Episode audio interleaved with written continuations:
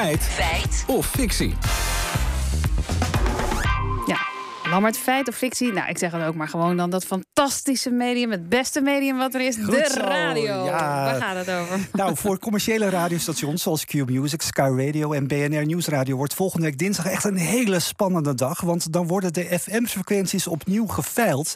Nu kun je bijvoorbeeld Q Music in bijna heel het land uh, nog beluisteren... via 100.7 FM of 100.4 FM. Maar als het station straks te weinig biedt en overboden wordt op zo'n FM-frequentie... dan is hun muziek dus niet meer te horen via de FM-radio. Ja, ik kan me voorstellen dat het voor de mensen daar heel spannend is. Het gaat over miljoenen euro's. Maar je kunt ook nog luisteren naar de radio via DAB Plus en via je smartphone. Hoe belangrijk is die FM-frequentie eigenlijk nog? Ja, dat wordt gezegd. Hè. Dat is niet meer van deze tijd. In die spotjes van DAB Plus, DAB Plus hoor je dat ook. Maar het FD schrijft vandaag ongeveer 50% van de radioluisteraars van commerciële stations luistert via FM.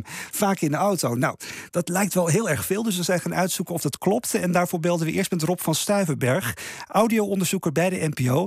En hij zegt dat FM nu echt nog wel echt belangrijk is. Als je een commerciële radiozender bent en je wil de kans op uh, zoveel mogelijk luisteraars zo groot mogelijk maken, dan heb je echt een, een, een, een goed FM-pakket nodig, echt een goede FM-frequentie nodig. Maar ik vraag me af of dat over vijf jaar en over tien jaar nog steeds zo sterk geldt. Want kijk maar bijvoorbeeld naar een, een zender als NPO Radio 5, die moet het doen zonder uh, FM-frequentie. En die krijgt het toch in deze tijd nu al voor elkaar om uh, een middelgrote zender te zijn met uh, luistertijd aandelen van 7%. Dus je kan zeggen dat je uh, zonder FM ook een grote zender kan zijn, maar ja. veel luisteraars bereik je alsnog wel via die FM. Hoeveel dan eigenlijk precies? Ja, daar gaat het natuurlijk om. Of die cijfers van het FD kloppen, dat vroegen we aan Frans Kok. Hij was directeur van het Nationaal Luisteronderzoek. Dat is nu opgegaan in het Nationaal Mediaonderzoek, waar hij nu werkt. En hij kent de precieze cijfers. Ja, die uh, cijfers die komen overeen met wat wij uh, ook uh, zien. We voeren een aantal keren al de audiomonitor uit. En dat is speciaal onderzoek gericht op de manier waarop mensen luisteren. En die FM-beluistering uh, uh, komt inderdaad zo in, uh, in de buurt van die 50% uit. Ik meen dat het een paar jaar geleden 52% was. in het laatste was het 51, 50% ongeveer.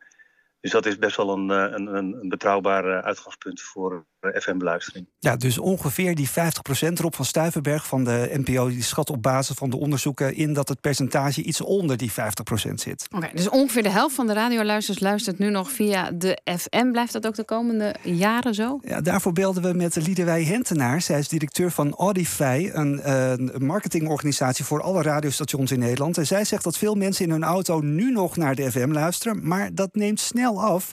Nu al luistert minder dan 50% via de FM. En dat zal de komende jaren nog verder afnemen. En mijn verwachting is voor de komende jaren dat uh, FM snel zal afnemen.